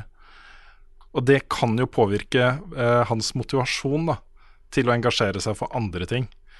Og det er, en, det er en sånn ting som jeg tror kanskje mange kommer til å måtte jobbe med, mange foreldre da, må jobbe med framover. Det er jo rett og slett bare å få de til å finne glede, sånn ekte glede av eh, andre ting også. At ikke det bare blir liksom spill, spill, spill hele tiden, liksom. Alt med måte. Ja, det er viktig, altså. Mm. Det er det. Det var en ting til jeg hadde lyst til å si der, men det tror jeg har glemt. Så Hvis du kommer på det, så får du bare hvis jeg kommer på det, så skal jeg ta det opp igjen. kaste det ut. Hmm. Har vi spørsmål til på lur? Ja, jeg kan ta et fra Fredrik eh, Syverstad. mm -hmm. Som spør Siden det virker som at eh, 2020 er eh, comeback for 3D-plattformere, tror dere at det er en sjanse for at Naughty Dog kan lage et nytt Jack and Daxter? Ja. Ja. Jeg har lyst til å si nei. nei, men jeg, jeg, eh, jeg, jeg eh, tror nok de har lyst, på en måte. Jeg tror det er et av de prosjektene som de kunne tenke seg å gjenbesøke. Jeg har liksom en mistanke etter liksom Uncharted 4 og eh, The Last of Us Part 2 at uh, de har blitt litt gira på litt mer voksne ting, altså. Jeg vil tippe det. Voksne ting, eh, sånne type eh, sterke historier, er jo det de har blitt veldig, veldig gode på. Nå har ikke jeg spilt Jack and Daxter, det altså kan jo være at det, for alt jeg vet, så er det knakende gode historier der òg. men jeg vil tippe at det er nok De kommer til å fortsette med det i stedet for å gå tilbake til 3D-plattformer, vil jeg tippe. da. Mitt stalltips for Naughty Dog er at det neste spillet deres blir noe helt nytt. Ja. D- Det er det jeg tror, da. Det, det er det jeg tror de er mest klare for nå. At de har kanskje et prosjekt som de har tenkt på en stund også, som de har lyst til å lage, og som de nå liksom føler nå er tiden inne for å gjøre det, istedenfor å liksom besøke en av våre tidligere serier. Skikkelig story-heavy Jack and Dexter. ja. ja, den serien Jeg har litt sånn spesielt forhold til den serien fordi jeg fuckings elsker det første spillet. Det er et av mine all time favorittspill. Det er så bra, da. Og så lekent og så åpent og sånt. Eh, og så hadde den serien den, litt den samme utviklingen som Ratchet Clank også, hvor uh, OK, du har lagd um, uh, den på en måte sånn svære kosetingen. Nå har liksom de karakterene der blitt litt eldre, og det skjer litt mørkere ting i universet her, og det blir litt mer actiontungt og litt mer fokusert på skyting og, og konflikt og, og sånne ting. da. Og da mista på en måte den serien litt sjarmen for meg, altså. Det, det var ikke Jeg var ikke helt med på den reisen til Jackie and Daxter der. Så um, hvis de skal gjenbesøke den, så er jeg litt sånn usikker på uh, hva jeg har mest lyst på der, altså. Da tror jeg jeg hadde blitt mest glad for oss å se Se de vende litt tilbake til den der åpne, lekne, utforske-tingen, Mm. egentlig. Jeg ser jo For uansett som er til mer 3D-plattformere. Nå, er- nå er Mm. spillmediet on the roll. Eh, hvis det viser seg at eh, ryktene rundt Nintendo sine remakes av Super Mario 64, Super Mario Sunshine og Ja. Super Mario Galaxy, så har du allerede et fint spark med tilførsel av 3D-plattformer der. Ja, ja. Eh, men jeg, jeg, eh, jeg håper at nå er spillmediet skjønner at måte, kanskje vi skal gå tilbake inn der, og så ser, får vi kanskje noe hei, Kanskje noen nye, helt nye 3D-plattformer. Eh, Mm. Det hadde vært gøy. Nei, det var jo den der heldige tre, treenigheten på PlayStation 2 ikke sant? med Jack and Daxter, Ratchet and Clank og Sly-serien. De var jo, det var jo så bra! det var jo så innmari bra. Mm. Da, nå kommer jo da Ratchet and Clank tilbake. Um, hva Sucker Punch velger å gjøre etter uh, Ghost of Sushima Jeg får så mye kjeft av kona på hvordan jeg sier uh, for den. Du skal uttale T-en i Tsushima. Ja, Tsushima, Du, må, du må si den fort. Du kan ikke bare Ja. Å, da har jeg sagt feil. Masse. Jeg har med voiceover og sånn, ja. Jeg sier Sushima Ja, ok. og Sushima, Ja. og begge deler, for å ikke ta feil. Men da er alle, alt tar feil, da. Ja, et, de, de stavelsene skal jo uttales på en måte hver for seg. Ja. Så det blir liksom Tsuchi Tsushima er liksom Men fort, da. Tsushima. Tsushima. Sushima. For meg så er det den T-en kommer naturlig, fordi at det er en T der, og så har du KJ-lyden min, som er en T der, så er det Tsushima. Ja. Men uansett, da. ehm, det er jo Sly-serien er jo eh, kanskje en, i enda større grad enn Jack and Daxter-serien også, noe som folk har mast om da, i årevis. Jeg har, eh, har mer tro på et nytt Sly-spill enn et nytt uh, Jack and Daxter-spill, egentlig. Det, det har jeg nok. Så, men man skal aldri si aldri. Du vet aldri hva de Jeg bare håper ikke det kommer liksom en enda mer emo-Jack. Hvor han er enda sintere enn han har vært i det, liksom Hvor alt er bare mørkere og kjipere, og plutselig så er det liksom uh, Skal han på hevntokt og Ja, på hevntokt og Ja, da, da er det Noen- deep, ikke sant? Det er sånn det er. Ja. Nå holdt jeg på å komme med en eh, indirekte spoiler av uh, Ja. The Last of Us Part 2. Det var hakket før, men uh, jeg, jeg lot være. Da hadde vi klippa den ut. Ja. Ja. Hadde sikkert noe å gjøre med en sport eller noe sånt. Ja, en sport eller noe sånt. Nei, jeg, jeg også er veldig glad i den sjangeren, så jeg syns det er hyggelig å se liksom, en del av de tingene komme litt tilbake. Og at folk uh, satser litt på det igjen og uh, ser at det kan være et marked for det. Så um, ja. Jeg har et spørsmål til her, jeg, hvis dere er Mhm. klare for det. Ja. ja. Det er fra Johanne Østrem Hellemo som skriver Har dere tips til nye PC-spill? Jeg skal kjøpe PC til høsten etter mange år uten gamingmuligheter.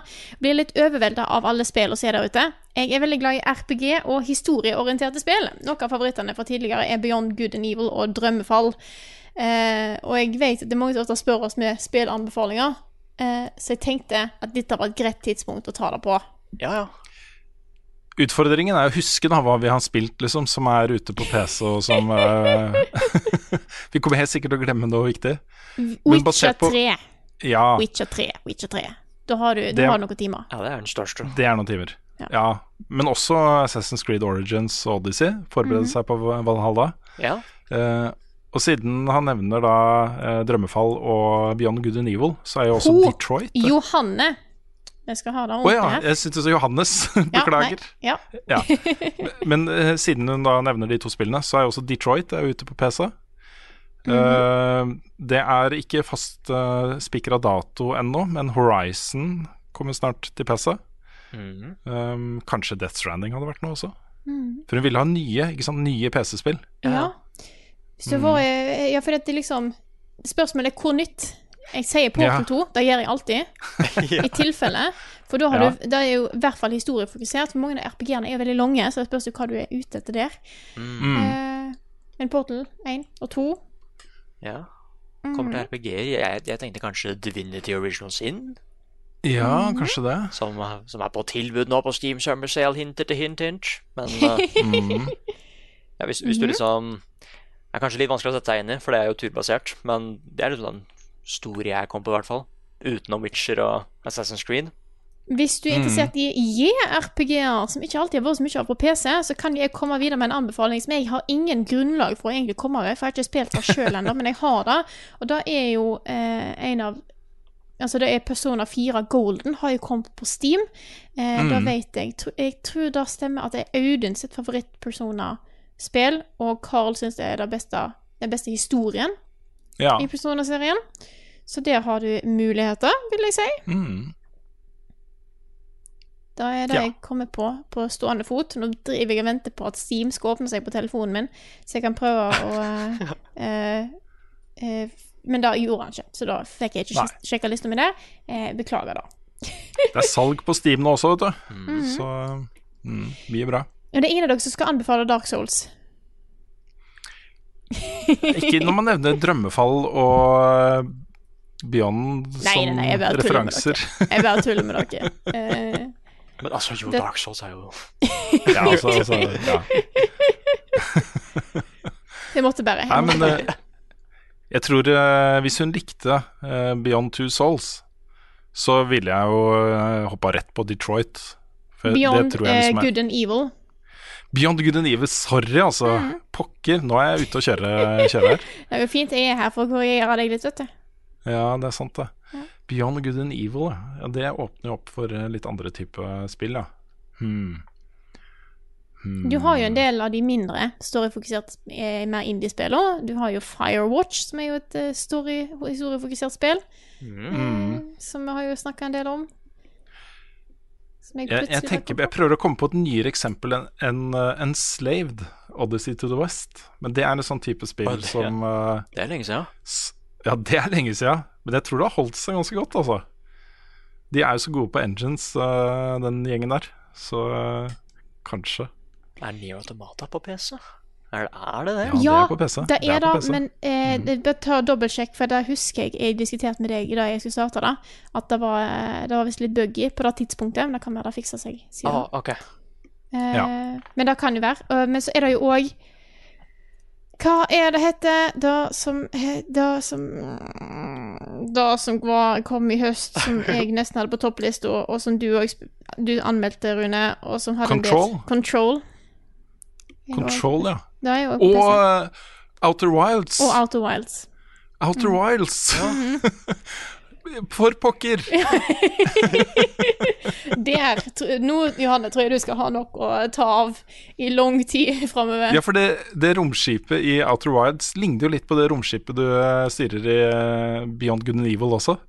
Okay. Det er, det er litt på en måte den samme exploration-feelingen da, i det spillet. Så eh, det tror jeg kanskje hadde vært det kuleste, kult sted å begynne. Så da må vi komme med en hel drøss. Hvis vi skal ta, velge ut ett hver. Ett spill hver. Uh, ja, da sier jeg Outer Wilds, jeg. Mhm. Mm. Hva går du for, Nick? Kan, vet du hva, kanskje jeg sier Divinity. Tenk å bare hoppe inn Mm. der. I den sjangeren der, Ja. liksom. Når man har ja, en god PC. Kan være et eller annet der, altså. Divinity Original sin 2. Og da går jeg for Witcher 3. Eh, hovedspillet pluss DLC-ene. Ja, jeg må si Assassin's Creed Odyssey også, da. Bryter reglene litt med en gang. Ja. yes. Har dere noen flere spørsmål på lager for i dag? Å ja, jeg syns det kan jeg Eller, du har det? eller Ja, ja. trenger ikke å være siste, men vi kan ta det. Ja, ja, kjør Jeg så det kom et uh, anime-spørsmål til deg, Nick. Å ja, ja, da må vi ta den etterpå òg. Men den jeg fant, okay. er fra på Facebook. Alexander Onvik Er det noen filmserier dere kunne tenke dere å ha sett et godt spill fra? Nå kommer jo kanskje Harry Potter til PlayStation 5. Tror dere det kan funke? Eh, Det kommer jo et Harry Potter-spill. ja, jeg holdt si det er confirma. Det kommer. Ja, det er, det er mer eller mindre, og det er uh, Vi har jo sett uh, en sånn lekka video fra det spillet også. Uh, den siste jeg hørte fra det spillet, var jo Jason Schreier, som var ute på Twitter og sa at ja, det spillet eksisterer, og de jobber med det, og det kommer neste år. Uh, dette skal bli en sånn svært uh, uh, rolle, action-rollespill med moderne grafikk og, og sånt. da Altså det skal bli et, et ganske svært spill. Så uh, ja, det jeg så i forbindelse med det, var jo uh, at uh, teamet der er uh, litt sånn stressa pga. de diverse uttalelser fra JK Rollings i det siste. Uh, det er jo Stemninga rundt Harry Potter har jo endra seg litt, Ja. på nett i hvert fall, de siste ukene. Det jeg tror, jeg tror det kan bli bra, i hvert fall. Mm. Men er det noen filmer som dere hadde likt å ha sett? Spille?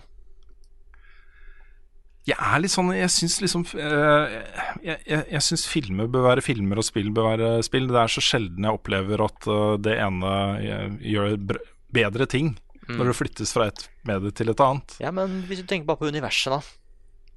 Mm, vet du hva, jeg, jeg har eh, noe jeg savner i spill. Uh, og det er også en av grunnene til at jeg er så glad i The Last of Us Part 2. Det er hva skal man si, sånn i anførselstegn filmatiske eller, eller uh, historier fra bøker. Og så eh, hvor det er en del sånn uh, exposition mellom action. Den tar seg tid til å, til å etablere rollefigurer og settinger og scenarioer. Eh, og, og tenker ikke at du skal underholde, underholde spillerne hele tiden. Så en sånn type historie som jeg kunne gjerne tenke meg å spille, er liksom Interstellar. Ja, for jeg satt akkurat og tenkte på det samme. For bare tenk deg det øyeblikket hvor du har brukt masse tid på jorda, gått rundt og vassa rundt i støv, og finne og så bla, bla, bla, og så plutselig så kjører du gjennom et wormhole til en, til en annen galakse, liksom. Ja, Åh, sanne, sanne opplevelser, og som bruker tid til å bygge opp til den type opplevelser, har jeg lyst til å se mer av i, i spill. Ja, fordi jeg er veldig glad altså jeg sier, jeg sier det igjen, jeg er glad i linærspill med en god story. Eh, Så jeg trenger ikke et stort, åpen verden, åpent univers-spill der jeg kan farte rundt og på en måte se på ting. Jeg syns det er kulere når du har tar alle mulighetene du har med at du reiser rundt i universet. Eh, med relativitetsteori og svarte hull og alt dette her som du kan gjøre, og så legge en ordentlig historie rundt det, som du gjør i Interstellar. Ja. Ah, jeg holdt, jeg holdt på å si, snakker om Christopher Nolan, da. Fordi den her er jeg nett litt før om, men jeg tror et Naughty Dog-spill i Inception-universet Det kunne blitt et kult spill, altså. At liksom, Ja. de, er så, de er så flinke på å lage sånne action set pieces, og det hadde passa perfekt til liksom, det universet der, hvor bare ting kan bli helt hullete. I hvert fall når det kommer til naturens lover og sånn. Ja, ja. Mm. Plutselig så klatrer du på et fjell, men så er det et eller annet som skjer i den i den andre drømmen, ikke sant, som påvirker det som skjer der. Og jeg ser for meg hvor mye kult de kunne gjort der. Og bygd en kul story rundt det. Rundt det. Rundt det? Ja, en kul story rundt det. Nei, bare Mm. Ja, et eller annet sånt. Et eller annet sånt ja. spasa med en god story. Mm. Ja, jeg er eh, jeg, vil, jeg vil gjerne ha flere sånne svære, svære moments som på en måte bærer et spill, da. Mm. Og som, eh, som det bygges opp til, og som eh, treffer, liksom.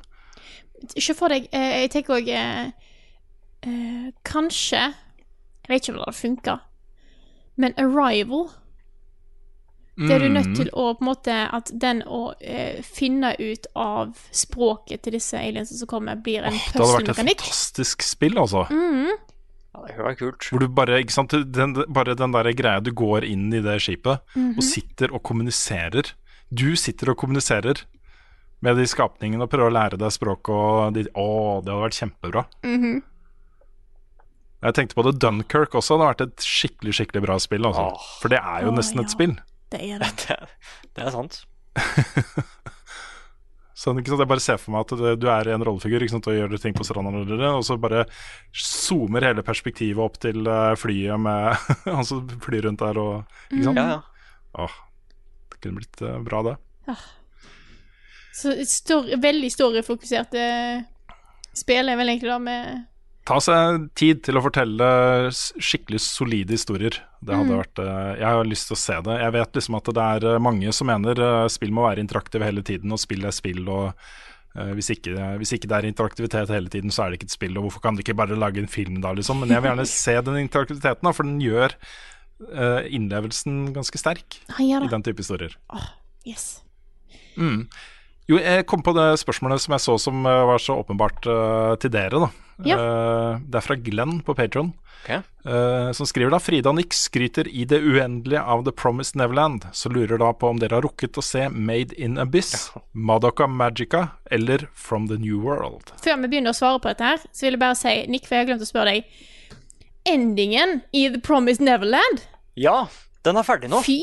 Ja!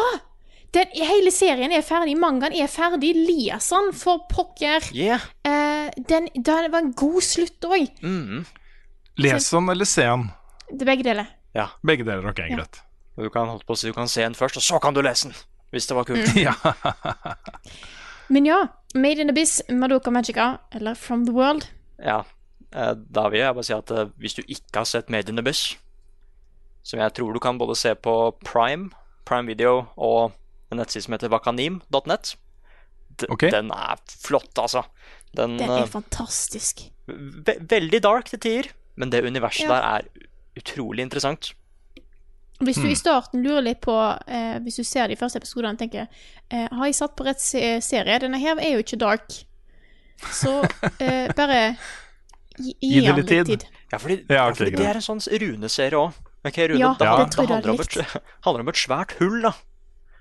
Mm. Eh, Det er det siste stedet på jorda som ikke er utforska ennå. I hvert fall på denne jorda her. Og ingen Ja. vet hva som er på bunnen. Oi. Ja, ingen vet hva som er på Ja, bunnen. I like it. Jeg trenger ikke vite mer. Ja, ikke sant? Nei. Jeg er ferdig med Dark nå, så jeg trenger en ny serie. Vet du se den! Nå fikk jeg lyst til å se den på nytt, jeg. Ja. Og den er altså så kul. Ja. Åh. Yes. De to andre har jeg ikke hørt om. Jeg har bare hørt om den andre, den Madoka. Som Mhm. er mm. Den er jo også litt kjent fordi det handler jo om magical girls, ikke sant? Med en ganske dark twist. Egentlig alle de seriene er bygd opp ganske likt. sånn. Så jeg Ja, det var noe Promise Neverland som var referansepunkt der, da. ja, Ja, den er jo ikke noe koselig, Ja. den heller. Eh, Som jeg har hørt at det er veldig mange som liker den. Men jeg var litt sånn Jeg syns den var helt OK. Mm. Um, men den, den tredje vet jeg ikke helt hva er. Da må jeg ta en titt. Kan jeg komme med en eh, liten anbefaling til, når jeg først hijacket vi først inne i anime? Oh. For jeg har nettopp sett ferdig en liten serie på eh, Crunchyroll som heter Sing Yesterday to Me. ja. Eh, den, jeg tror jeg har nevnt den for deg, Nick. Har du Nei, det har jeg fortsatt ikke fått sett. Jeg måtte se ferdig Nei, Tower of God først. fy fader, den tar helt av. Ja, da, Åh, den er fin nå. Den, den, jeg, det er jo en av mine favoritt... Eh, det er jo ikke en manga. Japansk. Det er en manhwa. Den er koreansk. Eh, den, eh, den serien ble akkurat da jeg håpet den skulle bli. Eh, den første sesongen nå. Jeg gleder meg til å se om det blir noe mer. Men Sing Yesterday eh, for me eh, er en utrolig fin historie om voksne folk og deres forhold eh, til andre, og hvordan de blir påvirka av hva de har vært gjennom før. Eh, den er Han er på en måte eh, Anime er jo av og til veldig komisk, lettbeint, sånne ting. Men denne her tar for seg noen litt kule tema innimellom, selv om han har en veldig fin eh, Fin tone over seg hele veien. Men jeg syns at på en måte, istedenfor at du alltid har high school-folk, så er dette folk som er ferdig med college og sånne ting. Eh, du har blant annet ei dame her som sliter litt med å eh, Med nye forhold, fordi den første kjæresten hun hadde eh, jeg, tror dette er, jeg tror dette er noe av det første som skjer, eh, som du får høre om, så det er ikke en spoiler, for det handler om hun i etterkant. Men kjæresten hun hadde, eh, død da hun var ganske ung. Så det handler liksom om hvordan hun prøver å ha forhold til andre personer senere og sånt òg. Det er en egentlig veldig fin serie. Den er 12-13 episoder. Den likte jeg veldig godt, så jeg vil bare kaste den ut der. Som en, litt, et, en veldig roligere serie. Jeg er veldig late to the party nå, men jeg så jo i uka som gikk uh, Your Name for første gang. Ja! Ja, Åh, det var en flott historie, altså. den er fin. Den er veldig, Ja, veldig fin. den var, uh, den var veldig godt fortalt. Den likte jeg kjempegodt. Jeg har sett noe om at den gjengen har kommet med en ny film nå. Ja, den er ute på kino nå, faktisk. Mm. Jeg husker ikke hva den heter i farta, men Nei, samme, samme time. Ja, et eller annet. Kan vi avslutte med et sånt sommerspørsmål til? Ja. Ja. Runda med litt sommerfølelse her. Eh. Spørsmålet er fra Mats, Mats Østreng Veland. Uh, hvilke gode sommeropplevelser som barn kunne dere gjerne opplevd igjen? Oh. Hmm. Jeg kan begynne fordi mitt, uh, mitt uh, aller beste sommerminne eh, Det var den derre eh, først og fremst den derre følelsen av å ha sommerferie. Altså det derre rommet mellom skoleårene som var så langt og åpent, og det er ingenting som skjedde, og ikke noe krav eller noen ting. Men det jeg husker, altså mitt aller aller beste sommerminne er nok da jeg lå på Svaberget på eh, Hvaler og leste Den uendelige historien. Liksom fra perm til perm uh, i sola, liksom. Det, det var eh, Det var uh, utrolig flott, altså. Jeg tror jeg har to. For jeg kom på det i det sånn, liksom da å få sommerferie. Da å ta sommerferie var for meg i mange, eh, mange år. Da at måtte, OK, nå har jeg fri. Nå kan jeg stå opp, og så kan jeg bare sitte og se på tegnefilm. Ja. Mm. Så da å slå på Disney Channel eller Cartoon Network eh, og bare sitte og se på det som var der eh, Det var jeg liksom Det jeg kan huske, er fra liksom den storhetstida til Disney Channel, eh, når du hadde alt fra Kim Possible og, eh, og dette her eh, Recess og eh, Jake Long, The American Dragon. Du hadde liksom bare så mye kvalitets eh, ungdomstegneserier som bare var helt herlig. Eh, så jeg kan huske bare sånn nå, nå kan jeg sitte her og se på det i mange timer. Og det kan jeg gjøre. Og det går fint. Eh, eller så må jeg òg si Da, da jeg kan jeg gjorde det ofte, Vi gjorde det ofte, vi gjorde det i flere år. Eh, bare det å ligge på brygga eh, ved sjøen ved hytta vår og fange små fisk ved hjelp av små, bitte små kroker og sånne ting. Eh, det var veldig stas. Mm. Åh. Ah, jeg har også to sånne jeg To sommerminner som er på liksom delt førsteplass, som jeg kommer på nå.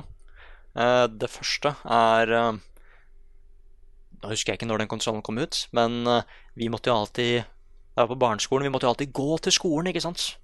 Og derfor var det litt stas når vi av og til kunne bli henta. Og jeg husker at det var på starten av sommerferien, da, eller iallfall den siste dagen på skolen, så ble jeg henta av mamma og pappa fordi de hadde skaffa PlayStation 3. Oi. Så bare nå, nå Tenk at sommeren starter med det, Ja, da. Det er jo helt shit. fantastisk. Ja, ja, ja, så bare Vi skjønte at det var et eller annet, ikke sant? så kom vi hjem, og de har liksom allerede satt den opp, ikke sant? Med spill og sånn. Altså, det var magisk. Mens eh, den andre var eh, Husker ikke nøyaktig hvilket år det er òg, men det er det Frida snakka om, at eh, jeg likte alltid å stå opp for å se på Pokémon i helgene. skikkelig tidlig å se på de nye episodene av Pokémon. Og jeg husker ikke hvilken generasjon det var, men jeg husker veldig godt at uh, i midten av ferien så ville det dukke opp et nytt Pokémon-spill. Og da, var jeg, da gleda jeg meg så mye at jeg ikke klarte å sove, ikke sant? for det var så spennende. Ja. Og da var vi liksom det, det var liksom det siste vi gjorde før vi dro på hytta. da Hente Pokémon-spillet, så drar vi på hytta. Uh, ja. og tre trengte ikke noe internett eller noe sånt, da, for vi hadde jo Pokémon, ikke sant? Da ble det liksom bare Pokémon på hytta. Å, det var good times. Uansett hvor jeg var, så spilte jeg Pokémon, liksom. Jeg vil si at der eh, var foreldrene dine veldig greie med det, altså. Ja, Det er sånn eh, at de venta til det kom ut med å dra på ferie. Det er kjempebra, det altså. så hyggelig. Mm. Jeg husker jo jeg missa, jeg missa jo eh, første betaen av Destiny. Fordi da var vi på ferie i Stavanger. Akkurat mens betaen pågikk. Hadde ikke du med deg PlayStation? Nei, jeg hadde ikke med den ja, okay, OK. ok Det var seinere. Det var senere. Ja, OK. Da blander jeg. Eh, men jeg, også, jeg fikk aldri tak i det emblemet da, ikke sant, som man kunne få hvis man spilte betaen. Ja. Det var litt sånn i etterkant litt bittert. Nei, da, det er Mm. vanskelig, vet du. Det blir jo òg en ting nå eh, Jeg glemmer veldig å dra på ferie. Uh, men da blir det jo det blir mindre tid til spilling fordi jeg skal rundt og besøke så mye folk. Uh. Jeg kommer sannsynligvis til å få noen dager helt alene i sommer, da. Eh, I den perioden jeg skal jobbe. Mm. Det, kommer, det kommer til å bli eh, helt spesielt, altså. Det er eh, Bare game hele dagen. Game oss kanskje med et avbrudd innimellom for å se en episode av TV-serie for å bare renske hjernen litt. Oh. Eller få betalt for pizzaen du får levert på døra og sånne ting. Ja, noe sånt. Jeg håper ikke kona hører på. Jeg, jeg, hvis, hvis du hører på, kjære kona mi, så jeg har ikke tenkt å bestille pizza og sånt. Det er, det er dyrt. Det er veldig dyrt. Unødvendig. Vi har mat hjemme, vet du. Så jeg vet jo det at du skal ikke bestille pizza når man er hjemme alene. Heller. Jeg må si, da. Jeg skal på hytta, og der er det én ting som venter meg, og det er Sega Megadriven. Den er på hytta, Ja. eh, så det blir nok eh, Det er Vestlandet, sannsynligvis regner det litt. Jeg er ikke overraska hvis jeg gjør det, så da må jeg jo ha noe å gjøre på, så det blir nok eh, kanskje Det blir kanskje litt, eh, litt Sonic the Hedgehog. Sannsynligvis eh, litt eh, eh, Trøgston, den fantastiske eh, sånn shooter-spelet. Eh, Space-shooteren som er der. Og eh, hva det heter Tiny Toon Busters Hidden Adventure. En Nydelig Tiny Toon-plattformspill. som ikke er, er like polished som, eh, som Mario og sånne ting, men det er bra. Og kanskje til og med noe 3D pinball. For da er det to player på, og da er jeg helt insane, altså. Da skal jeg love dere. Da er jeg helt tullete. Da har jeg sånn emblem for liksom be verdens beste 3D pinball game, og da er jeg faktisk helt sjukt. Så A Party like it's 1994. Eller hvilket år det er. Det er er det ikke rundt der? 93? Dragons? Fury heter det. Dragons Fury. Oi, oi, Da vet du at det er seriøst. Da er det sommer. 3D pinball. Yes. Sommer på Vestlandet. Skal vi runde av der, eller? Vi kan gjøre det. Vi er eh, etter planen da, tilbake med en ganske normal episode neste uke. Mm -hmm. uh, resten av sommeren så har vi planlagt et par uh, saftige spoilercasts. -hmm. Uh, og så prøver vi å få til en overraskelse eller to også. Så selv om det blir et par uker hvor både Karen og jeg er på ferie, så kommer det til å komme ting. Mm. Så eh, du må gjerne lage podkast aleine hvis du vil, Nick. Ja, fordi det, jeg, jeg har tenkt litt bare åssen skulle jeg gjort det? Ja, det er ikke så lett, altså. Det kunne altså. bare vært et to timers lang Q&A, egentlig. Men, ja, men det hadde vært, det hadde vært gøy å prøve. Ja.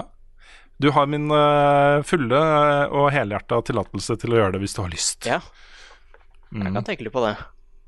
Jeg gjør det. Jeg skal ha med meg zoomen på, på tur i tilfelle et eller annet skjer. Kanskje jeg skal bare sette meg ned langs kysten, bølgesus og greier. Nei da, det får du se.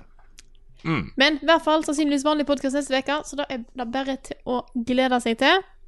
Eh, og masse annet knask. Så ikke blir helt stressa for at vi tar litt pause. Nei, Carl har satt på klar masse greier. Ja, Eh, herregud, det kommer han har jobba. Ja. Så eh, det er Mm. Og det kommer anmeldelser. eh, Dark Souls-serien som vi spilte inn midt i koronatiden, eh, kommer i løpet av sommeren. Mhm. Det kommer til å komme mye innhold også på kanalen vår uh, framover. Yes. Så litt sånn som resten av spillmediet, så er det ikke sommertørke hos oss heller. Yes. Da sier jeg bare som jeg vanligvis pleier, dette her har vært en podkast utgitt av moderne media. Introen eh, Nei, låten i introen og outroen er skrevet av Ole Sønnek Larsen og arrangert og framført av Kyoshu Orkestra.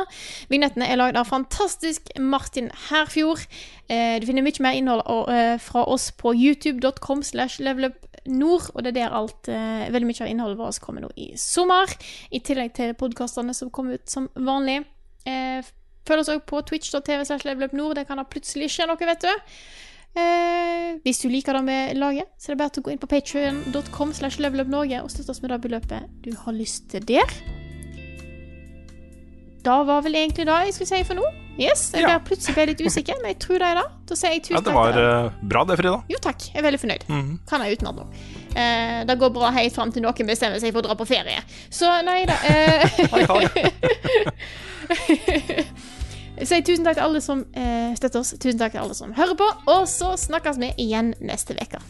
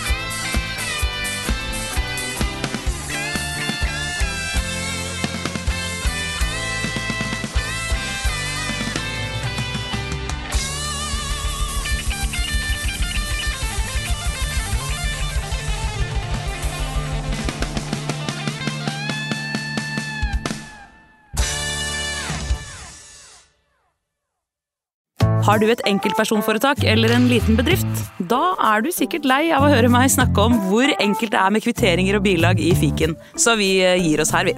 Fordi vi liker enkelt. Fiken superenkelt regnskap.